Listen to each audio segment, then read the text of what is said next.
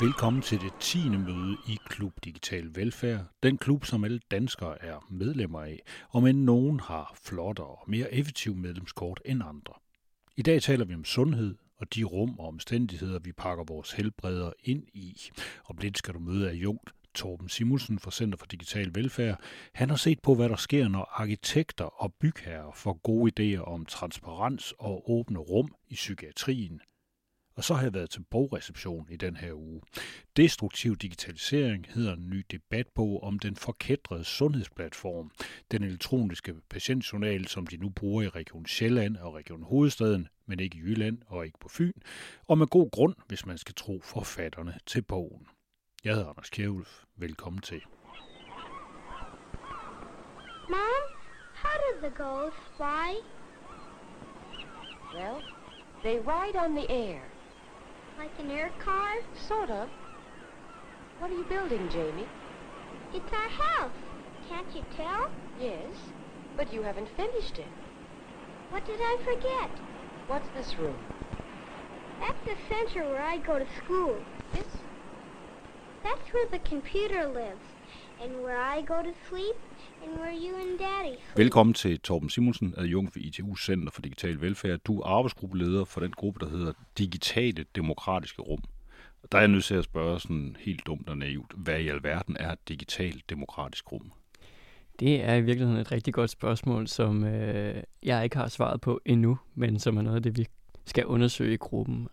Jeg tror, vi har udskudt det konceptuelle arbejde en lille smule for at prøve at dyrke de øh, forskningsprojekter, som øh, deltagerne i min gruppe i forvejen beskæftiger sig med, for at se, om der kunne være nogle relationer mellem det, vi mener, når vi øh, taler om det demokratiske og det digitale og det rumlige. Så det er i virkeligheden mere de konstitutive relationer mellem de tre tematikker, som optager os mere end det at kunne definere et digitalt demokratisk rum. Men det betyder ikke, at det ikke er et interessant og relevant spørgsmål. Man er i hvert fald nødt til at sige, at det er ikke et konkret rum. Nej, Det er et digitalt rum. det er et digitalt rum. Du har også skrevet en PhD om det, det, der hedder den rumlige organisering af psykiatrisk praksis. Hvad er det, du har undersøgt der? Ja, der er det jo præcis tale om et konkret fysisk rum.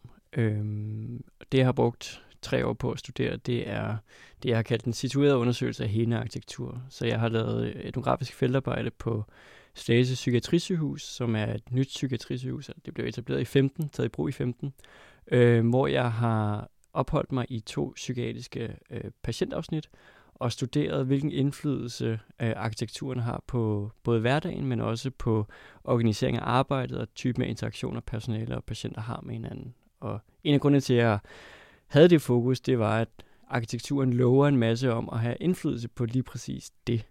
Øh, Så jeg prøvede ligesom hårdnakket at få øje på, hvordan og hvornår den så havde det. Ja, det her med arkitektur, det er jo sådan noget, når man kigger sig omkring i verden og, og læser aviser i dag og byrumsmonitor, og jeg ved ikke hvad, så er arkitektur noget, der fylder noget i det hele taget. De, de kommer altså med nogle løfter, eller hvad man skal sige, om hvad de kan gøre ved de her ting. Det, der er særlig interessant ved det her, eller det her projekt, kan man sige, det er, at arkitekterne fik ganske hvide rammer til at definere, hvad en helende arkitektur var for noget. Og vi kan måske vende tilbage til det her med, hvad helende arkitektur så mere bredt set er.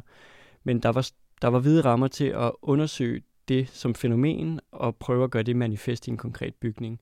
Og det var bygherrerne, som i det her tilfælde var regionen, øh, også med på at gøre. Så det var noget med at øh, finde ud af, hvordan man oversætter idéer om recovery for eksempel til manifest og fysisk form. Og det har så givet nogle særlige rumlige forløb og øh, arkitektoniske udtryk, øh, hvor transparens blandt andet er en stor del af det, øh, men også fleksibilitet i den måde, som dels afsnittene er designet på, men også hvordan afsnittene bor i den bredere arkitektur, der er hospitalet. Hvis man tager det sådan helt praktisk, hvad, det, det der var foregået, det var, at regionerne ligesom bestemmer sig til eller andet med, at de vil lave noget med hele en arkitektur, og så får de fat i nogle arkitekter, og så sætter man sig ned ved nogle borger og begynder at snakke sammen. Er det sådan, det er sket? Der er selvfølgelig en masse processer forbundet med det, fordi det også handlede om, at der skulle etableres en ny hospitalspsykiatri. Og det betød, at man samlede forskellige øh, psykiatrifunktioner på tværs af regionen. Øhm, så det var også et kæmpestort organisatorisk projekt, som handlede om øhm, at samle en masse funktioner øh, og professionelle et sted, for at lave en mere øh, central psykiatri med borgeren i centrum, som det hed. Øh, så det var ligesom den pol- det politiske baggrund for at lave projektet. Så var der en udbudsrunde selvfølgelig, hvor øh, forskellige øh, tegnestuer kunne byde ind, og den tegnestue, der så i sidste ende vandt, vandt med et projekt, der hed øh, Huset i Parken, Parken i Huset. Og det var Carlson Arkitekter i samarbejde med VL, øh, som vandt det udbud. Og det handlede i virkeligheden om at bringe naturen indenfor, og bringe bygningen mere centralt ind i samfundet. Fordi historisk, når man kigger på psykiatriske øh, byggerier, så har man jo placeret dem i naturskønne områder, Sankt Hans i Roskilde som et eksempel, øhm, og dermed placeret dem uden for samfundet, kunne man sige. Og her er der så et forsøg på at gøre op med den tænkning og bringe psykiatrien tæt på somatikken, så den er placeret lige ved siden af det almindelige generelle hospital. Øh, men samtidig er der også en masse symbolik forbundet med den historie, som hospitalet også fortæller i relation til psykiatrihistorien mere bredt. Øhm, og så har der så været en masse processer, som jeg desværre ikke kunne følge i mit, i mit projekt, hvor arkitekterne i samarbejde med regionen og andre aktører i øvrigt øhm, har prøvet at finde ud af, hvordan skal en hele arkitektur se ud. Øhm, og jeg har så interviewet arkitekterne, og et af de hvad skal man sige, udgangspunkter, de havde, det var, at det er der ikke nogen, der ved, så lad os prøve at finde ud af det. Øh, så de tog ud i det, det danske land, men også ud i Europa for at få inspiration. Og konklusionen var egentlig, at det kunne vi ikke bruge til noget. Vi må prøve at finde ud af det selv. Øhm, så der har været et, et, hvad skal man sige, konceptarbejde, som har været ret interessant at øhm, lære mere om. Fordi hvordan er det, at vi oversætter recovery kom så tæt på, fordi det er også en del af de politiske mål med den psykiatriske behandling, at den skal være mere recovery-orienteret. Og hvad vil det så sige, når man laver det i en hospitalspsykiatri? Øhm, så det er noget med, at at psykiatrien er ikke noget, man gemmer væk, men man blotlægger den, man gør den synlig. Man, der er vel en, et forsøg på at normalisere i virkeligheden, at det ikke er noget, der er farligt. Så offentligheden kan for så vidt bevæge sig frit igennem hospitalet. Selvfølgelig ikke i de lukkede afsnit og patientafsnittene, som er mere lokalt øh, forbundet, men som, som hospital, så kan man øh, frit øh, bevæge sig ind. Øh, og så har der været en masse samarbejder med både... Øh, forfattere og Malene Landgren, som i øvrigt har smukseret den her bygning, vi sidder i nu også, øh, med en særlig det, det fagpalet. Det skal vi hilse at sige, ja. hvor ITU har nogle lokaler. Ja, ja netop. Øhm, så, så der har været et forsøg på også at lave en, en æstetisk bygning, og hvor kommer inspirationen til det så fra? Jamen, den kommer forskellige steder fra, og, og noget af det, som øh, arkitekterne blandt andet ligesom trækker på, er dels meget personlige erfaringer med øh, at være i sit sommerhus og være tæt på naturen, og at ideen om det, der er godt for mig, må også være alt andet lige godt for alle andre. Og det blev på en måde øh, en drivkraft for udviklingen af, hvordan hospitalet skulle se ud. Altså at det var meget almen menneskelige kvaliteter, som de prøvede at lægge ind i bygningen. Og her er det her med naturen meget centralt. Øhm, og derfor er der også meget transparens i bygningen, altså mange glasfacader, som igen, nu sidder vi i DR-bygningen, der også er her, så moderne øh, kontorfaciliteter var også en stor inspiration. Både fordi de har de her transparente udtryk, men også fordi, at den rumlige organisering er bygget på en måde, der skal facilitere interaktioner og tilfældige møder. Så den her idé om møde, det tilfældige møde, var også ret central i den måde, som øh, designet endte med at se ud på. Så de rumlige forløb, som hospitalet også har, øh, er det, de vil kalde fleksible og åbne, så der er brede gangforløb, både for at muliggøre passage, men at man kan trække sig øh, fra den anden, øh, hvis man har lyst til det. Men at ideen om recovery i virkeligheden blev designet sådan, så at man kunne starte et, et forsigtigt og beskyttet sted, som er patientrummet. Så kunne man bevæge sig ud i det, det de kalder halvoffentlige zoner, som er det bredere øh, hvad hedder det, øh, øh, afsnit, som er delt af andre, og når man er klar til det, så kan man bevæge sig fra sit afsnit ud i de mere offentlige gangarealer, for til sidst at bevæge sig ud i samfundet som sådan, og så er recovery-rejsen ligesom en progression igennem rum også. Så det, det er simpelthen bygget ind i bygningen, at man ligesom skal gå igennem sin recovery. Nu kan jeg ikke være med at nævne, vi sidder som sagt, vi sidder ude i det her byen. Vi sidder og kigger ned i sådan en, øh, der er sådan en slags have hernede i midten, sådan et, et gigantisk rum, som øh, går op igennem, jeg ved ikke hvor mange etager her, hvor der faktisk kun er øh, nede i bunden sådan lidt have, der sidder nogle tilfældige stole dernede. Det er ikke som om, der sidder nogen dernede nogensinde. Men så er der ret mange planter dernede, der, sådan, der vokser op langs med at få det til at se sådan lidt jungleagtigt ud. Og så er der frygtelig meget glas herude i det hele taget. Man kan kigge ind i alting. De her recovery-rum, hvor man ligesom siger, eller den her, det her sted, hvor du, som man siger, man ligesom kan gå igennem sin, sin rejse fra at være skidt til at være rask og komme tilbage i samfundet og sådan noget. Når, når, altså det, det, det er jo så blevet øh, sat i gang Hvordan virker det her? Det er et godt spørgsmål, altså, og jeg, jeg tror ikke, jeg har sådan et ensidigt svar på, hvordan det øh, virker, eller hvilken effekt det i virkeligheden har. Det, det er jo selvfølgelig noget, som både øh, regionen og behandlingspsykiatrien og arkitekterne i øvrigt er interesseret i at få at vide. Men måden, jeg prøvede at studere på, hvilken betydning arkitekturen havde, det var at på den ene side at skygge personalet i deres daglige arbejde, så følge dem øh, på tværs af øh, patientafsnit og fra deres øh, personale øh, kontor, som er placeret centralt på patientafsnittene, og i øvrigt også fremstår næsten som en glaskube. Det er kun dørene, der ikke er transparente. Men de stod ofte åben, fordi hvis de var lukket, så kunne de ikke høre patienterne. Så der var også en masse med lyd, som øh, blev betydningsfuldt, som var noget andet end udelukkende det visuelle. Øhm, så lige så vel som de kunne kigge på eller observere patienterne, der blev de så også observeret af patienterne den anden vej rundt. Og det skabte egentlig et paradoxalt miljø, hvor alle var usikre på øh, dels intentionerne, snakker de om mig inde på kontoret, og, og på samme måde snakker patienterne om mig. Øh, så, så på den måde var der sådan en gensidig synlighed, som ikke nødvendigvis var konstruktiv for behandlingsrelationerne. Og der var en masse arbejde forbundet med enten at øh, afdække bekymringer, øh, finde ud af, hvad folk egentlig lavede, øh, en slags performativ øvelse i at se ud som om, at man laver noget, der er vigtigt og professionelt, fordi at man ikke kan trække sig. Og det skal jo siges, at det kan jo være ganske hårdt øh, relationsarbejde at, at være i psykiatrien som professionel personale, om du så er pædagog eller sygeplejerske eller læge, men der var ikke rigtig rum til, at man kunne gå væk fra den relation. Så mange af de meningsfulde interaktioner, der egentlig skulle finde sted, som ligesom ligger i opdraget med recovery, blev til det, jeg kunne kalde en slags transaktioner hvor at man hele tiden henvender sig, fordi øh, der er måske genstande, man ikke, som patient man ikke må have, men som er, er inde på kontoret, og så skal man henvende sig for at få det. Så det skabte en masse interaktion, men ikke i en meningsfuld recovery-orienteret forstand. Øh,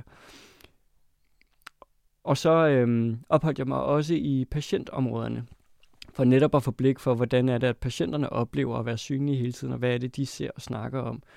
Og overraskende så øh, i hver patientafsnit, så er der et centralt atrie, som er tilsvarende det, du lige har beskrevet her, Anders, med grønne planter og et lille stisystem, øh, som fungerer som hjertet af et afsnit. Og det var også tanken, at man så kunne bevæge sig derud som patient og komme ud i det fri, om man vil. Øh, det var der til gengæld ikke nogen, der oplevede på den måde, fordi det blev i praksis en rygegård. Og det var det jo også noget, de fandt ud af, at man kunne ikke lave hospitalet til et røgfrit sted, fordi der er så mange af de patienter, som er indlagt, som har behov for at komme ud og, og ryge en cigaret, og som er et væsentligt led i deres egen recovery-proces i virkeligheden, at de kan trække sig og gå ud og ryge en cigaret. Øhm, så i praksis var det en rygegård, øh, og personalet oplevede den ofte som øh, farlig, fordi at de stisystemer, der var lagt, var lagt med sten, som man kunne falde over, så hvis man skulle have fat i en patient, så kunne der opstå farlige situationer. Øh, måden, som atriet er placeret i patientafsnittet, gjorde, at patienterne kunne dels løbe hele vejen igennem, men så også rundt om efterfølgende, hvilket gjorde det svært for personalet at, at håndtere farlige situationer. Øhm, og det er noget af det, som jeg prøver at beskrive, det rumlige ordningsarbejde, som personalet i stigende grad af mit argument blev øh, engageret i på grund af den arkitektur, som de befandt sig inde i. Så en effekt af arkitekturen var lige, lige præcis det her med et, et øget fokus på ordningsarbejde, og det kunne så være forskellige slags arbejde. Noget af det handlede om kontrol, noget af det handlede om omsorg, noget af det handlede om selvbeskyttelse, noget af det handlede om at fremstå professionel, men meget af det var lige præcis øh, animeret af de, hvad skal man sige, meget åbne og fleksible rumlige forløb det lyder ikke som om, det er vanvittigt positive ting, de bruger tid på. Altså, det er måske ikke det, jeg tænker på at gå på arbejde med, hvor jeg, hvor jeg ligesom skal se ud, som om jeg laver noget fornuftigt, øh, samtidig skal passe på mig selv, og skal jage rundt efter nogle patienter, som man ikke rigtig har styr på. Der er i hvert fald en masse udfordringer set fra personalets perspektiv i forhold til øh, at kunne gøre deres arbejde. Fordi noget af det, som de forventes at gøre øh, løbende i løbet af en vagt, er også at dokumentere, øh, hvordan deres patienter har det. Og det dokumentationsarbejde bliver blandt andet hele tiden forstyrret øh, fordi de er synlige, mens de laver det. Øh, så det er den ene ting. Øh, den anden ting, man kan sige, det er, at for nogen var det øh, også en god ting. Øh, og der er øh, intentionen med, at synlighed betød tryghed, gjorde sig faktisk også gældende for nogen. Men der er et eller andet med, som personalet eller de sundhedsprofessionelle også problematiserer, som er, hvad er det for en patientfigur, rummet er designet efter. Hvad er det for en forestilling, man havde om, hvad det er for en slags patient, der skal være i de her afsnit. Og der øh, I praksis så blev det det, der hedder integreret afsnit, så der var i virkeligheden en bred palette af forskellige patienter med forskellige problemstillinger, hvor nogen sagtens ligesom kunne aflæse rummet. Øh, jeg har skrevet lidt om rummets grammatik, så øh, muligheden for at kunne læse det rum, man befinder sig i, altså hvad er det, jeg skal foretage mig her, hvilken funktion er det her rum tiltænkt. Øh, det er der nogen, der kan, men der er der virkelig også mange, der ikke kan. Og de forstyrrer så rummets logik, kan man sige. Og det bruger personalet så en del energi på at reetablere. Så der er hele tiden ligesom forhandlinger eller små sådan, kampe om at definere, hvad man må gøre. Bare lige hvor... for sådan et rummets grammatik, det svarer til for eksempel, at nu sidder vi i et rum her nu, ja. hvor der er, udover at vi har den her mærkværdige udsigt ned i den her, øh, det her store grønne halvøjse, så har vi, så sidder vi et rum, der er fyldt med mikrofoner og hovedtelefoner og dem og sådan noget. Så grammatikken i det her rum, det er, at herinde skal man optage noget lyd. Det kunne det være, ja, lige for eksempel, præcis. Det, så har jeg forstået ja. det rigtigt. Ja, præcis. Og det er noget, der var til forhandling der? Helt, hele tiden. Øhm, og der var, der var blandt andet en patient, som, som udtalte, at der foregik ligesom nok op i hendes hoved. Hun havde ikke brug for også at skulle regne ud, hvad hun skulle lave hvor. Så hun havde brug for, at det var meget tydeligt, hvor der var øh, et spiserum, hvor der var et øh, kreativt rum for eksempel, hvor hendes soveværelse var, hvor øh, øh, hvad hedder det, øh, kontoret lå henne. Men fordi at, at rummene var mere øh, zoneopdelte, kunne man sige, så var det aktiviteten, der definerede øh, rummets logik. Og, og det var en udfordring. Så, så hvad skal man sige, det åbne passage, øh, den åbne passagezone, som var placeret mellem atriet og personalekontoret, var et sted, hvor alle patienter dels opholdt sig, og hvor personalet animerede til, at de skulle opholde sig, fordi der var de synlige for hinanden. Men det gjorde også, at al aktivitet fandt sted lige præcis der. Så det var både der, de spiste og spillede og snakkede, og det var lige ved siden af der, hvor man gik ud og røg, og patienterne kunne selv trække en kop kaffe i maskinen. Alt sammen en idé om, at de skal kunne tilvælge de her ting selv. Men det skabte bare en masse konflikt hele tiden. Øh, så var der et lille sofa, der var blevet trukket op fra den anden ende af, af afsnittet. Så det var også lige pludselig en hyggekrog. Og, så det, der var hele tiden til forhandling, hvad der skulle foregå hvor. Og det var noget, som personalet øh, forsøgte at, at håndtere og kontrollere mennesker, de har det med at lave rod i sådan nogle planer der på en eller anden måde, fordi de får deres egen idé. Og jeg er nødt til at spørge om igen, de her patienter, som var her, altså mm. dem, som man jo egentlig har bygget alt det her for, hvad var det for nogen? Hvad, hvad, hvad, hvilke problemer havde de?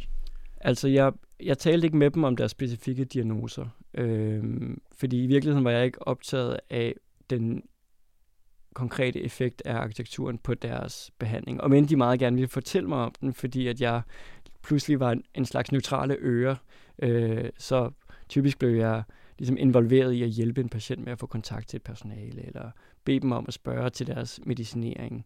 Øh, men altså bredt set, så var der en frustration over, øh, at dels at de var så synlige, men også at når personalet skulle håndtere farlige situationer, så blandt andet på grund af synligheden, havde det nogle implikationer på de øvrige patienter, øh, i form af, at de blev øh, gennet ned på deres patientværelser. Og det er der en masse gode årsager til, til at de blev, øh, både for at beskytte dem og for at beskytte den patient, som måske var øh, aggressiv osv.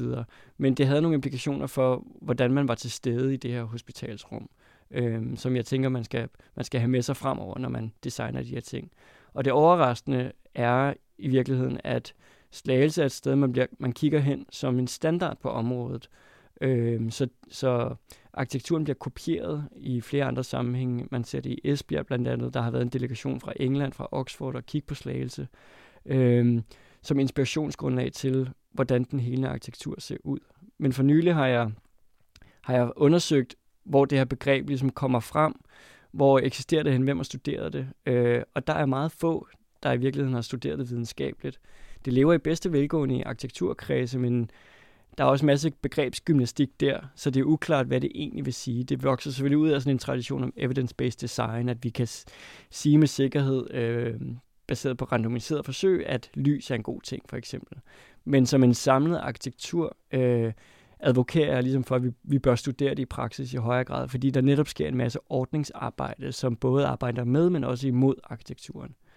Findes der gode erfaringer med de her ting, altså hvor der er nogle arkitekter, der ligesom sætter sig ned og siger, nu skal det her rum påvirke en arbejdsproces eller en helingsproces, som du siger i det her tilfælde, og så øh, får vi noget vildt godt ud af det. Er der nogle eksempler på, at det her det er gået fantastisk godt og en stor succes? Mm, det er et godt spørgsmål. Altså, der er jo en stor litteratur omkring office design blandt andet, øh, og i den udstrækning, jeg kender til den, så er de her narrativer om øh, proximitet som muliggørende for innovation og idéudveksling øh, holder ikke øh, i praksis. Altså der er der nogle andre virkemidler, der skal til for, at folk kan få gode idéer og, og samarbejde med hinanden. Øh, altså, så i virkeligheden er spørgsmålet for mig også, hvad vil det sige, når arkitekter designer behandling? Og der har jeg prøvet at studere et udtryk for det. Og der øh, tror jeg, at konklusionen er, at øh, det er mere kompliceret end som så at definere, om arkitekturen virker eller ej. Netop fordi det skal agere i en særlig professionel praksis. Så der bliver nødt til at være en større nysgerrighed på, hvad den praksis, uanset den, om den er i et mediehus, i, øh, på et universitet eller i psykiatrien, hvad den har behov for. Øh, og et af de ting, man i hvert fald har behov for i psykiatrien, det er at kunne trække sig som personale. Så det der med at have meget åbne kontorer øh, placeret midt i patientafsnittene, øh, synes jeg på baggrund af mit materiale at kunne sige, ikke er en god idé.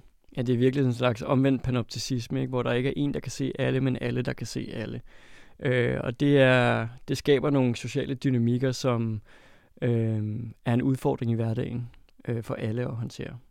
Og det du nævner der, det panopticisme, det er jo baseret på, på Jeremy Benthams idé om et, det panoptiske fængsel, så vidt jeg husker. Kan du prøve at beskrive det, hvad det, det går? Jamen altså, i virkeligheden er det en figur, som øh, den øh, franske socialteoretiker Foucault samler op og bruger til at tale om øh, overvågning, hvor der netop sidder en person i et tårn, som er placeret centralt i en arkitektonisk bygning og omringet af en masse rum, og han har så adgang, øh, synlig adgang til alle de her rum.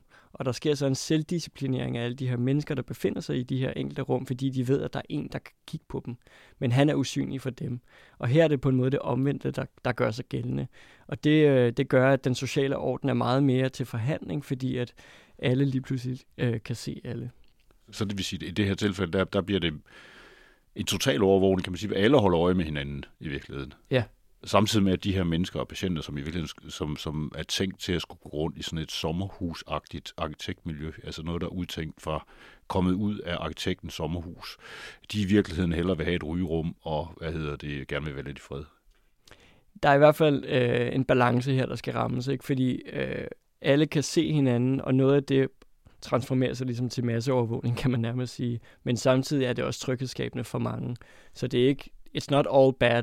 Der, der kommer også, det kan også nogle gode ting, altså, men kun for en særlig gruppe af patienter. Øhm, for dem, der tror, de bliver forfulgt, for eksempel, der er fornemmelsen af, at der hele tiden er noget, der spejler sig i glasset, ikke konstruktivt for deres egen recovery-proces. Så de trækker sig typisk enormt meget til deres egne værelser, hvor de så ikke er, øh, er synlige.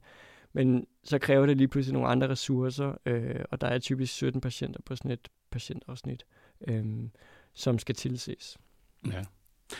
Du har også noget at gøre med et projekt, der hedder Urban Belonging ja. øh, projektet der. Kan du fortælle lidt om, hvad går det ud på? Ja, altså i virkeligheden er, er det også et projekt, der handler om øh, arkitekter og arkitekters professionelle blik. Øh, her der handler det så specifikt om København som by og som byrum.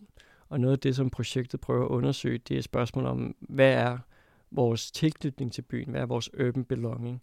Øh, og målet er øh, at udfordre arkitekternes professionelle blik en smule. Så i det her projekt, der samarbejder vi med blandt andet Aalborg, Amsterdam, men også Gel Arkitekter, og de øh, har jo øh, dels en masse professionel erfaring på det her område øh, med at udvikle offentlige byrum, men de bruger også nogle særlige kriterier for at definere, hvad gode byrum er. Øhm, og i det her projekt har vi så inviteret det, vi defineres som måske marginaliserede grupper, altså forskellige organisationer, som repræsenterer grupper, der ikke nødvendigvis bliver hørt i debatter om øh, byplanlægning.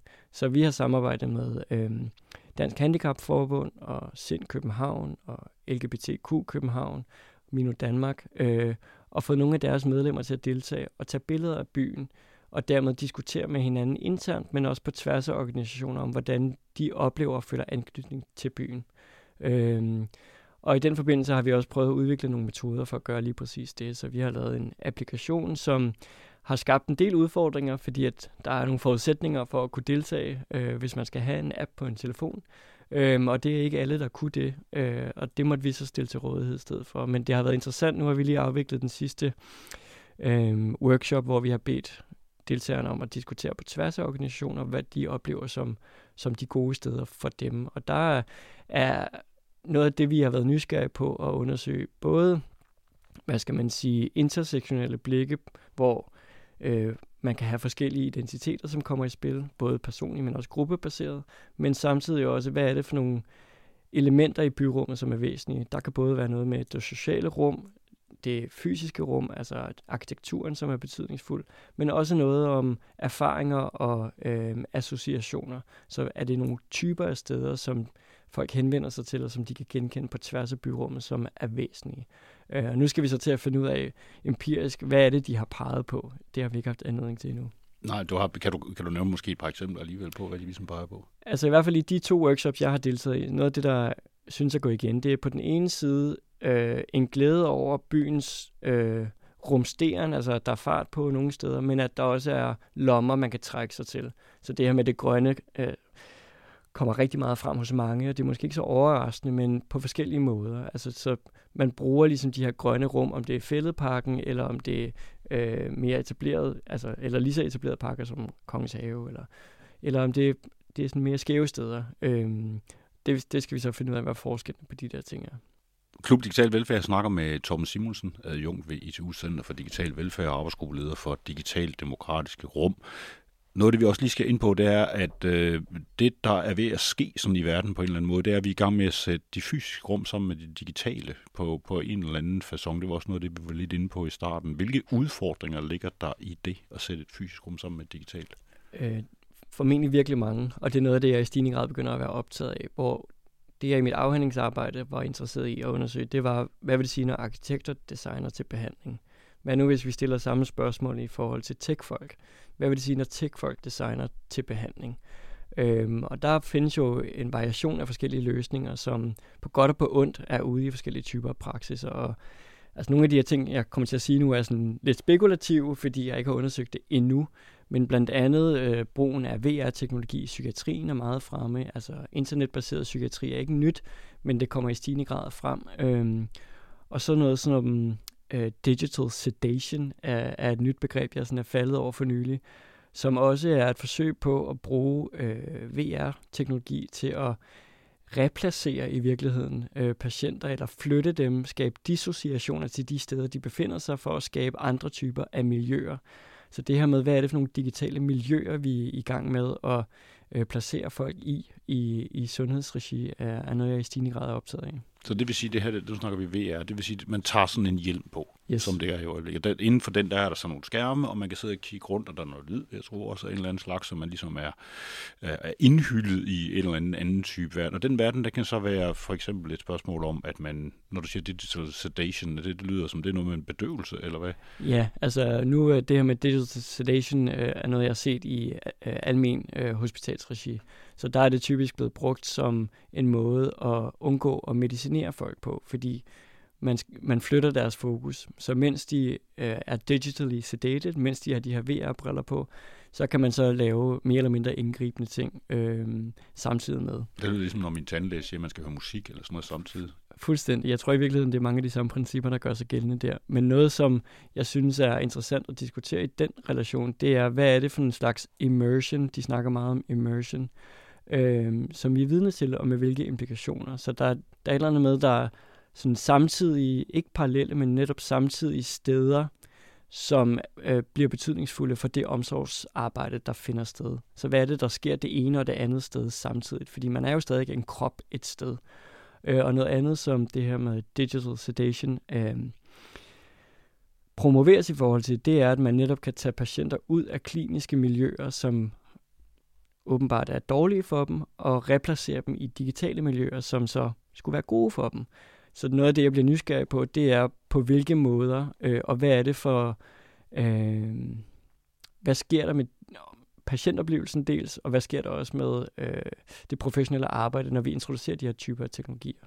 Og nu har jeg et særligt interesse i, i rum og steder, som betydningsfulde for, på engelsk taler man meget om care, og det er mere det er et bredere begreb end omsorg eller behandling. Så det er det regi, jeg, jeg ligesom tænker det. Hvad, er det. hvad sker der med kære bredt set, når vi introducerer de her typer af teknologier?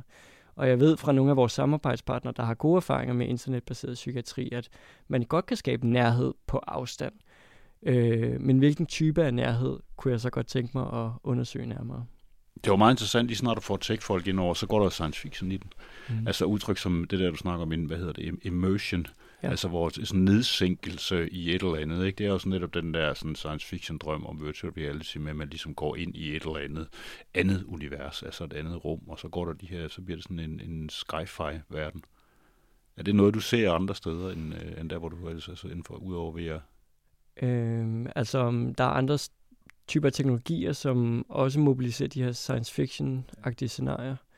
Øhm, altså, jeg, jeg tror mere, jeg har set dem være forbundet. Altså, så for eksempel den her øh, VR-brille, øh, som i, i vid udstrækning er brugt af sådan en Oculus-brille, men den bliver ejet af Facebook. Og pludselig kommer der nogle forbindelseslinjer mellem brugen af særlige typer af teknologier i sundhedsprofessionelle praksiser og store tech-virksomheders interesser. Så den data, der blandt andet bliver produceret eller indsamlet øh, via de her briller, bliver lige pludselig... Mm, jeg ved ikke helt, hvad der sker med den, øh, men man må jo spørge, spørge sig selv, at der, der er nogle etiske implikationer forbundet med, at det er Facebook, der er den brille, der bliver brugt i praksis. Facebook og øh, i øvrigt også Elon Musk, de arbejder jo også med at lave forskellige typer sådan uh, direkte connection til hjernen, for eksempel. Altså, så man kan, jeg ved, at Elon Musk har lavet et, jeg tror, den hedder Neuron, Neuron et eller andet, halløjse, hvor man, ideen er, at man ligesom kan, øh, kan simpelthen, på længere sigt skal man kunne programmere hovedet, eller uploade et eller andet. Det er i hvert fald hans idé, så man virkelig får sådan en, en sammensmeltning af det her. Tror du, det, altså, bliver det her stort inden for relativt kort tid, man kan også, altså, er det noget, vi kommer til at se mere til? Alle de her ting med altså nye, moderne måder at behandle os selv på? Det, det tror jeg helt bestemt. Øh, og jeg tror, at der i stigende grad er attraction i hvad skal man sige, samarbejder mellem tech-miljøer og øh, mere formelle organisationer. Så der findes en del projekter, hvor at netop startup-virksomheder samarbejder konkret med øh, regioner og kommuner med at, at undersøge, hvorvidt de her teknologier kan bruges i praksis. Og jeg tror, der er et, et kæmpe push fra de her miljøer om, at, at vi andre bare skal til at komme i gang, for de her teknologierne findes, og der er i hvert fald store forhåbninger om, at, at, øh, at de kan gøre, gøre det godt. så er der mange imaginaries på spil. Og i virkeligheden så øh, er jeg ikke sikker på, at, at de her logikker øh, er en til en overførbare. Øh, jeg tror, jeg vil forholde mig ret skeptisk i virkeligheden overfor, om, om det kan lade sig gøre. Øh, men jeg vil ikke afvise, at der kan at der også kan kastes nogle positive ting. Øh, altså, men det må vi undersøge. Så tech-firmaerne kan virkelig sige sig at være de nye arkitekter? På en måde ser jeg nogle inter- øh, interessante sammenfald mellem den måde, som arkitekterne er blevet øh, indrulleret i at definere, hvad den gode behandling er i psykiatrisammenhæng i forhold til det her med at bygge hospitaler, og at techfolkene på samme måde ligesom bliver involveret i at definere, hvordan teknologier kan være med til at lave den gode, øh, det gode omsorgsarbejde. Og det synes jeg, vi skal undersøge, øh, hvad der foregår der. Øh, hvordan de her logikker øh, bliver etableret, hvordan de bliver oversat ind i konkrete praksis, og hvilken implikation de så har for dem, der skal arbejde med dem konkret. Det bliver spændende at følge. Øh, mange tak til Torben Simonsen af Jung ITU Center for Digital Velfærd og arbejdsgruppeleder for digitale demokratiske rum. Tak fordi I måtte være What year is it now? I forgot. Here, I'll show you.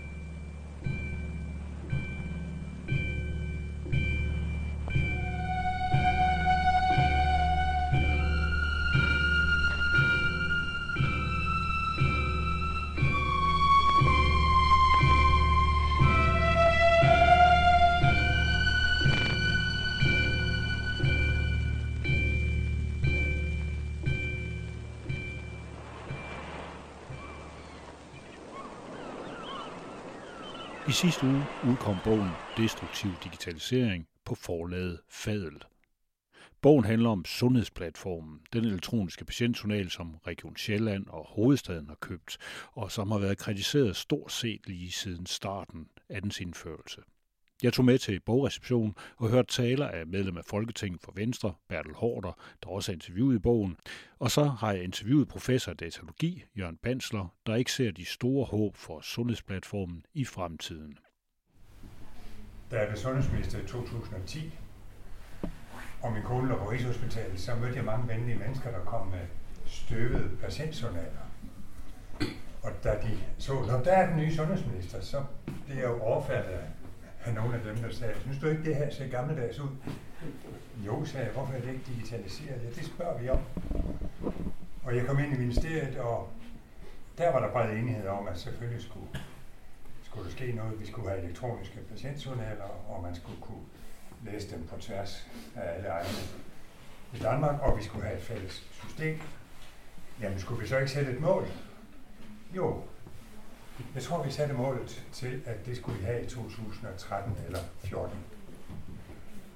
Og glad var jeg, for det lød som om det var realistisk at få et fælles system i 13 eller 14. Klub Digital Velfærd står sammen med Jørgen Bansler, som er datalog for Københavns Universitet og ekspert i sundheds-IT.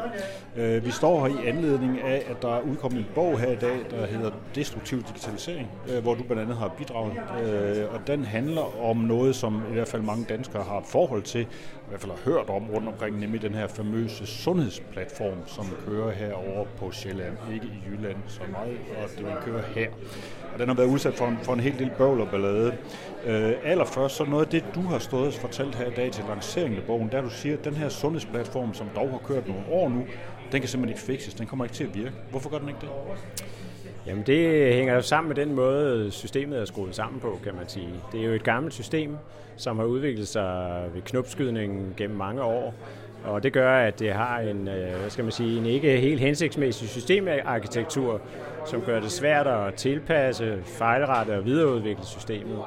Øh, og det har jo også vist sig igennem de sidste fem år, altså siden implementeringen af systemet, at der jo ikke sket væsentlige fremskridt, selvom Øh, de to regioner har haft et antal projekter, som har haft til formål at løse forskellige problemer, og hver gang har man sagt, nu kommer det til at fungere godt, og hver gang må man konstatere, at der er måske kommet nogle små forbedringer, men der er ikke sket noget, noget væsentligt. Øh, så det er i hvert fald en væsentlig forklaring på det.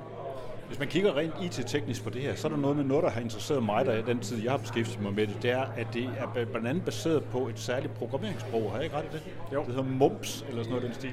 Det er rigtigt. Det er baseret på et relativt gammelt øh, programmeringssprog, som faktisk er, er oprindeligt opfundet i USA og specielt til øh, sundheds-IT-applikationer. Øh, men det er klart, at på nuværende tidspunkt er det lidt øh, gammeldags.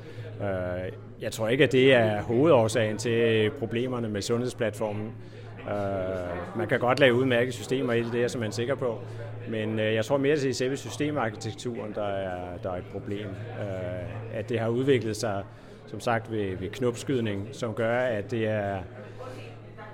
Ja, nogle dage så vi måske sige, at det er sådan en gang spaghetti. Altså det vil sige, du har det er svært at få overblik over, hvad der sker, hvis man retter et sted i systemet. Hvad sker der så et andet sted i systemet? Der er masser af sammenhænge mellem forskellige moduler, som ikke er veldokumenteret og velforstået. Det er for så vidt det samme problem, vi ser med, med skatssystemer, deres gamle systemer. Det er jo det, man normalt kalder legacy-systemer, ikke? altså systemer, man har arvet, som man nedarvet og udviklet over rigtig lang tid. Øh, de kan blive utrolig svære at vedligeholde og videreudvikle, fordi der er ingen, der rigtig forstår, hvordan de fungerer. Og, og mit indtryk er, at det er sådan et typisk system, vi har med at gøre her. Det er over 40 år gammelt, siger du?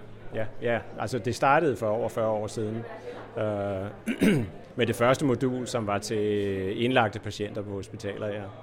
Så er der bare blevet bygget lag på lag. Du bruger, brugte et billede her, dit oplæg her i dag, der brugte du et billede ligesom sådan en kolonihavehus, hvor man ligesom, så bygger man et toilet på, og så bygger man lidt andet på, sådan lag på lag. Ja, ja, det er klart. Altså, efterhånden har man fandt ud af, at man skulle også have noget til ambulatorier. De har faktisk også et modul til praktiserende læger, det kalder de godt nok noget andet i USA, men altså til, til det, de så kalder general practitioners. Øh, så har man fået forskellige laboratoriesystemer koblet på. Øh, så er noget nyt, der er kommet i de senere år, det er jo sådan noget som beslutningsstøtte, hvor man gerne har et særligt modul, som kan hjælpe uh, klinikere med at træffe beslutninger omkring behandling. Og så har man så nok det seneste, det er jo sådan noget data analytics, som er meget op i tiden. Så er der selvfølgelig kommet en modul på, der også øh, kan analysere alle de data, der samles op i systemet. Øh, men når man udvikler systemer på den måde, sådan ved knopskydning, så er altså problemet, at man ender op med at have en meget uoverskuelig systemarkitektur. Og det har de aldrig ryddet op i. Altså det kunne man jo godt have gjort, men det er bare det er dyrt og besværligt, øh, og det har de ikke fået gjort. Øh, så kom jeg i øvrigt på spændende besøg i USA, og så deres forsikringsbaserede system og besøgte Kaiser Permanente i Kalifornien og var også i Boston, og blev klar over, hvor suverænt det danske sundhedssystem er i forhold til det amerikanske, som koster dobbelt så stor en del af, af bruttonationalproduktet, og så dækker de ikke engang alle mennesker stadigvæk. Det er helt utroligt. Og derfor kan man også undre sig lidt over, at et amerikansk forsikringsbaseret øh, journalsystem, at det var velegnet i Danmark, men, men altså den del af det har jeg ikke forstand på, og jeg ønsker heller ikke at gøre mig klog på det, fordi jeg har været minister længe nok til at vide, at man er fuldstændig i lommen på de der IT-eksperter. De kan bilde ind hvad som helst ind. Så det eneste, der er at gøre, når man ikke ved, hvad der er inde i maskinen, det er at vurdere, hvad synes dem, der skal bruge den, om systemet. Kan man sige, altså nu, nu sådan, hvis man sad og tænker, de, de er jo ikke IT-eksperter i, øh, i regionen på den her måde, øh, kunne de have vidst noget af det her i forvejen? Altså regionerne kunne have vidst det. Øh, de kunne i hvert fald have fundet ud af det. Jeg tror ikke, de, man kan sige, at de kunne have vidst det på forhånd. Men øh, de kunne godt have studeret systemet, kan man sige, grundigere. De kunne også have måske kigget lidt mere på de amerikanske erfaringer, øh, som jo heller ikke er gode med det system. Hvis man skal sige noget til deres forsvar, så er det jo, at beslutningen blev truffet tilbage 2013, 12-13 tror jeg. Og det er klart, at på det tidspunkt vidste man ikke helt så meget om, hvordan Epic-system fungerede i praksis. Øh, det blev jo først for alvor rullet ud efter Obamacare blev vedtaget. Det er jo faktisk i den sammenhæng, at amerikanske hospitaler for alvor begyndte at indføre elektroniske patientjournaler. Fordi der kom et økonomisk incitament med Obamacare. Der blev sat, afsat store midler til at understøtte øh, indførelsen af elektroniske patientjournaler. Man kan jo ikke vinterbade uden at møde læger, som overfalder ind med anklager mod sundhedsplatformen. Og sådanne protester er der jo slet ikke i Jylland og på Fyn. Så det lyder jo utroligt plausibelt, at der kunne være fordele ved, at Sjælland og hovedstaden overtog det jysk-fynske system. Det lå også implicit i det, vi lige har hørt. Det, der bekymrer mig, og som gør, at jeg ikke er klar til at konkludere noget som helst, det er, jeg aner jo ikke, hvordan det er at komme fra den nuværende sundhedsplatform, og så komme over på det jysk-fynske system. Det er dyrt. Jeg aner ikke, det er jo det, jeg frygter, jeg aner ikke, hvad den proces indebærer. Men når jeg har interesseret mig lidt for det her arbejde, og vi har holdt et møde, eller måske flere, og det var utroligt spændende, så er det jo fordi, for mig er det epokegørende i jeres værk, det er jo, at I påstår, at det ikke er dyrt. Og det synes jeg kalder på en øh, diskussion blandt de lærte, dem der har forstand på det. Er det dyrt eller er det ikke dyrt? Øh, vil det give flere år med tørke og bøvl? Eller kan man, kan man glide mere eller mindre gradvist fra det ene til det andet, øh, er det i virkeligheden taler om, at det kun er det ene, der skal udskiftes. Det er noget ikke. Det er derfor, jeg synes, bogen er interessant, og jeg håber virkelig, at den vil blive læst. Det her med sundheds-IT og, og patientjournaler i, i simpel, det, det er jo, jeg ved, det er noget, man har slåsset med i rigtig mange år her i Danmark. Hvordan, øh, du nu stiller jeg mig sådan det helt dumme spørgsmål. Hvordan i alverden kan det være, det er så kompliceret at få systemet til at køre på den her måde? Jamen, det er simpelthen bare fordi sundhedsvæsenet er en utrolig kompliceret størrelse. Øhm, der foretages jo utrolig mange forskellige behandlinger i vores øh, sundhedsvæsen. Øh, alle patienter er i en eller anden forstand forskellige. Altså det, er ikke, du kan ikke, det er ikke som at køre en fabrik, hvor man kan sige, at du laver et standardiseret produkt. Patienter er ikke standardiserede. Øh, de har individuelle særpræg. Ofte har de jo mere end én sygdom, øh, som man skal behandle. Og der kommer hele tiden nye behandlinger, der kommer hele tiden nye teknologier. Så det er, der er nogen, der har sagt, at, at sundhedsvæsenet det er nok en af de mest komplekse organisationer, mennesker nogensinde har, har udviklet. Så derfor er det ikke overraskende, så er det også svært at lave et IT-system. Øh, og der er i dag, faktisk i dag, må man sige, det er en umoden øh, branche, kan man sige. Altså der er, der er ikke, er ikke nogen rigtig gode EPJ-systemer på markedet. Øh, det lader til, at det jyske system øh, fungerer udmærket, men jeg kender det ikke nærmere. Men altså, det er faktisk et generelt problem, at man på den ene side ved, at øh, digitalisering vil være vejen frem, men hvordan præcis hvordan de systemer skal designes, så de faktisk effektivt understøtter det kliniske arbejde, det ved man i realiteten ikke i dag. Vi er virkelig måske er vi en lille smule for hurtigt ude, eller vores politikere, der har et behov for at få digitaliseret noget, uden egentlig rigtig at vide, hvordan man skal gøre det. Ja, det kan man sige, og måske skulle man have startet med noget, der var lidt simplere. Altså, og det er mit indtryk, at det er det, de har gjort i, øh, i Jylland, hvor de jo altså dels har udviklet systemet selv i tæt samarbejde med brugerne, og dels at de har startet med noget af kernefunktionaliteten omkring journalskrivning øh, og bestilling af undersøgelser osv. Øh, og det havde måske tjent os bedre at gå den vej frem for at købe noget, som man har troet var meget avanceret, og som så i virkeligheden viser sig ikke at være særlig brugbart. Kan du fortælle mig en lille smule om det her firma, der står bag øh, sundhedsplatformen EPI? Hvad er de for nogen? Jeg kender ikke så meget til selve firmaet, det må jeg sige. Altså, det er specielt i den forstand, at det er et privatejet firma, det er ikke, øh, det er ikke et aktieselskab. Øh, og de har aldrig lavet andet elektroniske patientjournaler. Øh, det er jo ledet af en karismatisk CEO, som hedder Faulkner. Nu har jeg glemt hendes fornavn, må jeg jo indrømme. Men altså det, så, så det er jo et meget specielt firma, kan man sige. Også et meget lukket firma. Øh, det er meget svært at finde ud af, hvad deres øh, tanker er bag designet af deres EPJ-system. Det er meget svært at, ja, i det hele taget at finde ud af, hvad, hvordan, hvorfor det er designet, som det er. Og sådan noget. Altså, I modsætning til mange andre IT-virksomheder, som for eksempel IBM og Microsoft, som nogle gange udgiver sådan nogle white papers, hvor de beskriver deres strategi og beskriver noget om, hvordan de ser fremtiden for den type teknologi, de nu udvikler, så kommer der ikke sådan noget fra, fra Epic. Øh, de, de er meget lukkede virksomheder. Jeg har kun googlet dem sådan relativt meget på et tidspunkt. Jeg bryder mig jo ikke både Google. Jeg har søgt på internettet øh, efter informationer om Epic ja, i sin ja. tid, og det, der har jeg blandt andet fundet ud af, at de har blandt andet, for, for det første så er de meget optaget af sådan noget Ringenes Herre. Øh, der er sådan meget eventyr over det hele. De holder åbenbart nogle yderst ekstravagante medarbejderfester, hvor, som inkluderer ting ude i skoven og sådan noget. Men derudover så havde de også en vision her for nogle år tilbage. Der havde de en vision lige pludselig, som kom frem øh, på nettet, som de skrev om, at der havde de en idé om, at alle data i virkeligheden skulle ligge hos dem, for samtlige hospitaler i verden, og, samtlige, og så vil de i virkeligheden stå for en eller anden form for forskning. Er det noget, jeg har misforstået, eller er det også det, du har set? Ja, nej, det har jeg også set, men altså, hvor langt de er kommet med den vision, det ved jeg ikke. Det tror jeg, det, det er nok lidt håbløst, fordi hvor mange øh, hospitaler i verden vil aflevere deres data til Epic. Det er, det er nok begrænset. De har jo i forvejen faktisk allerede været et par skandaler omkring Epic i den her sammenhæng, fordi alene det at drifte det fra USA betyder, at der løber frygtelig mange data fra Danmark til USA. Ved du, om, man har fået styr på den del?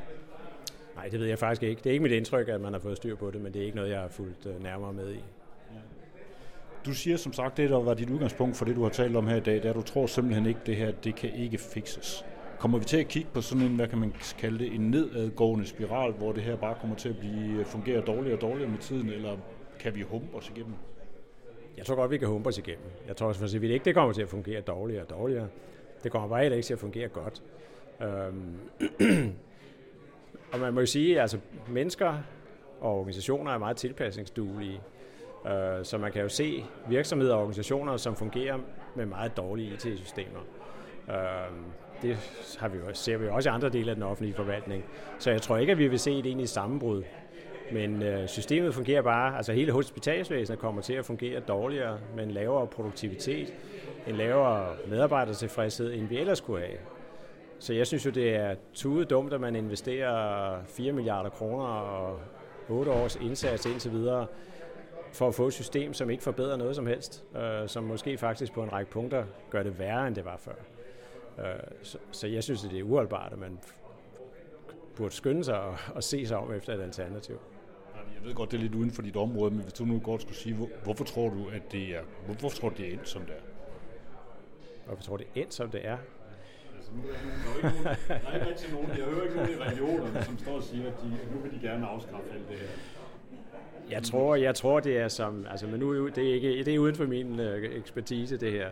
Men jeg tror, det er meget svært for politikere, når de først har sagt ja til et stort prestigeprojekt, så er det meget, meget svært for dem senere at indrømme, at øh, de har begået en fejltagelse. Uh, så det tror jeg i realiteten er, er hvad hedder det, kernen i sagen. Uh, ja, et psykologisk fænomen, kan man sige. Jamen, tak skal du have. Jørgen Battelsker, Københavns Universitet, datolog. The world of tomorrow will be as cold as sunlight tuned through photochromic windows.